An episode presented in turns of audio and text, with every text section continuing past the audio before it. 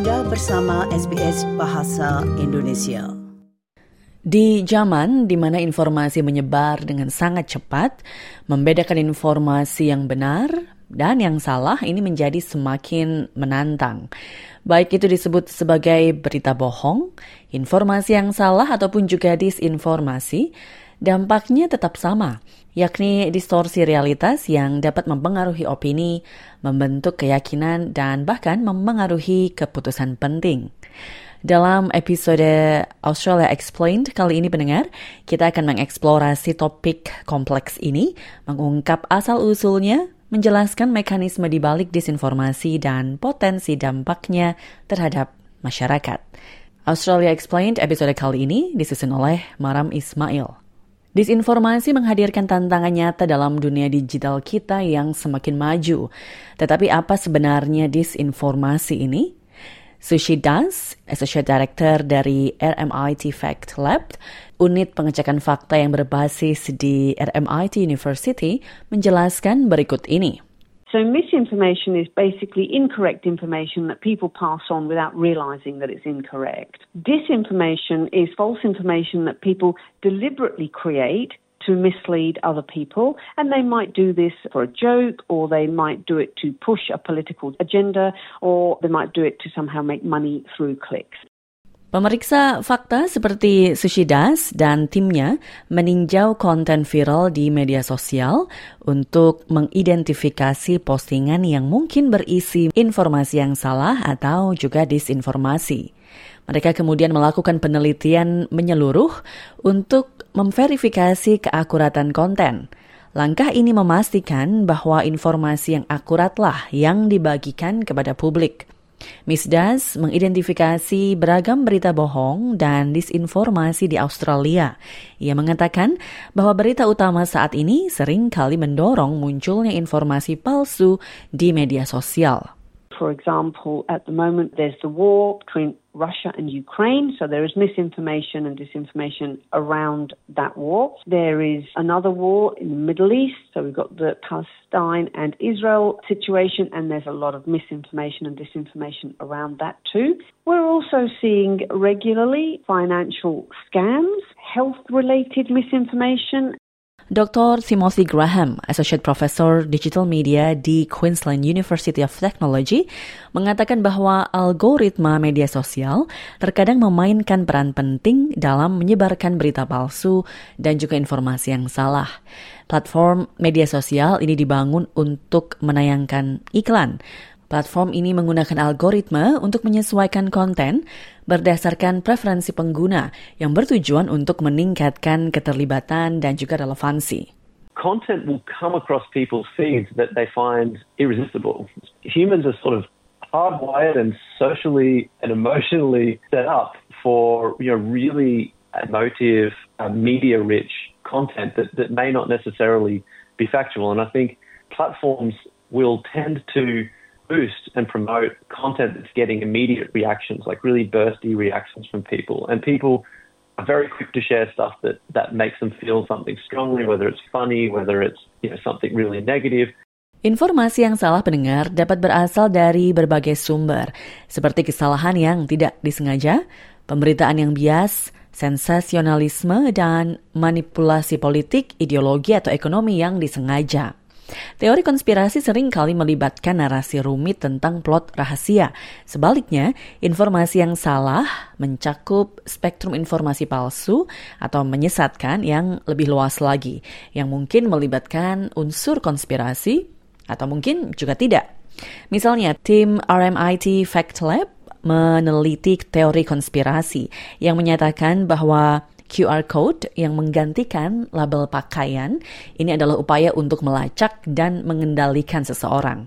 Teori tersebut menyatakan bahwa langkah yang bertujuan untuk membuat industri fashion ini lebih lama lingkungan tersebut merupakan skema yang diciptakan oleh Forum Ekonomi Dunia, bank, dan pemerintah. This is wrong. It's incorrect. These codes tell you the details about the item, where it was made, whether it was made ethically, washing instructions, fabric details. But of course, there are people arguing that these are all about tracking you. Informasi yang salah pendengar telah ada sejak awal mula bahasa menurut Dr. Darren Kopin, seorang ilmuwan perilaku yang berbasis di Sydney. Namun, kini isu ini menjadi masalah yang lebih umum dan mempunyai dampak sosial yang signifikan. Pada masa lalu, masyarakat memperoleh fakta, kebenaran, dan juga keyakinan ini dari komunitas, keluarga, dan budaya setempat. Sekarang, kita menerima informasi dari seluruh dunia dan dari berbagai sumber. Apparently, according to a University of Canberra study, Australians are among the worst in the world for sharing dodgy articles. 80% will share an article that they even think is dubious. So, that is obviously compounding the issue that we're facing with fake news and misinformation. Penyebaran informasi yang salah dapat berdampak signifikan pada narasi sosial, politik, dan juga pribadi. Dr. Darren Kopin menjelaskan berikut ini.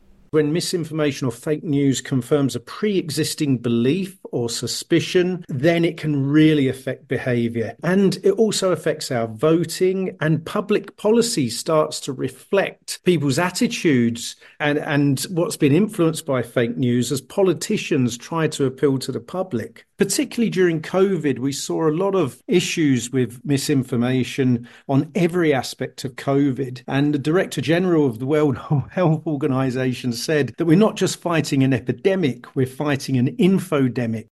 Dr. Kopin mengidentifikasi empat alasan mengapa manusia bisa menyebarkan berita palsu. Fake news plays on humans' loathing of uncertainty. We absolutely crave safety and, and a sense of control. We're driven to eradicate that uncertainty. So we search for answers. And if they're not readily available, we fill in the gaps. So we're, we're suckers for any information where none's available. And the second is uh, we have a huge negativity bias as humans. Ia berpendapat bahwa manusia berevolusi menjadi pesimis karena seleksi alam, karena individu yang lebih bermusuhanlah yang dapat bertahan hidup. You ever to an Australian and you're overseas before you? Often, all they talk about with foreigners are spiders, snakes, and sharks, you know, that abound in Australia, rather than the beauty and the opportunity that's here.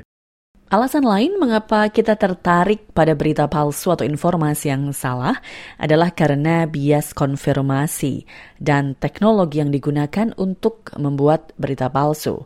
Dr. Kopin menjelaskan berikut ini. If we belong to, say, an anti vax group, then we're likely to search for anti vax information, or at least that's what sticks in our brain. And the things that stick with us are things prove and reinforce our pre existing beliefs. So we just get more and more extreme and polarized. The last one is fake news now can look professional when you're looking at it online, whereas when you're with somebody face to face, you can tell from their furtiveness or their weird demeanor or, or sweaty palms, you might inform us that they're untrustworthy or what they're saying isn't to be believed. Mengembangkan keterampilan untuk mengenali dan memverifikasi berita sangatlah penting, mengingat maraknya informasi yang salah yang ada saat ini. Oleh karena itu, Sushi Dance membagikan strategi utamanya dalam membedakan berita yang benar dan yang palsu. You can just get some keywords, open a new tab, put those keywords into the new tab, and search for what other things you can find using those keywords. You can even put some keywords in uh, with the words fact check to see if somebody has already written an article, a fact check article about that topic. If it's a picture that you're looking at and you're not sure if that's a real picture, you can do a right click. If you're in Google, you can do a right click and you will get the option to search image with Google. Dr. Kopin menyarankan untuk menanggapi berita dan informasi yang tidak dapat dipercaya dengan hati-hati sebelum membagikannya secara online. Stop and think would I repeat this or would I say this to somebody's face in public? And if you're not sure, then please don't forward and share things because you're just you're contributing to a multiplier effect of, of misinformation. And secondly, be wary of your own search term biases. Seiring kemajuan teknologi pendengar, penyebaran informasi yang salah pun ikut berkembang. Profesor Timothy Graham menjelaskan tantangan masa depan apa yang harus kita antisipasi dalam dunia digital yang terus berubah ini. I think one of the biggest challenges that generative AI pose is that these AI can produce content that, at least at first glance, appears to be authored by a human and is quite convincing. And, and this is not only text, but obviously images as well. And so a real challenge that's happened is that we just have a deluge of AI generated content that's you know, kind of mixing in and it's becoming more and more complicated to just keep up with how much of this is a factual image or, an authentic image or an authentic piece of text versus something that's not.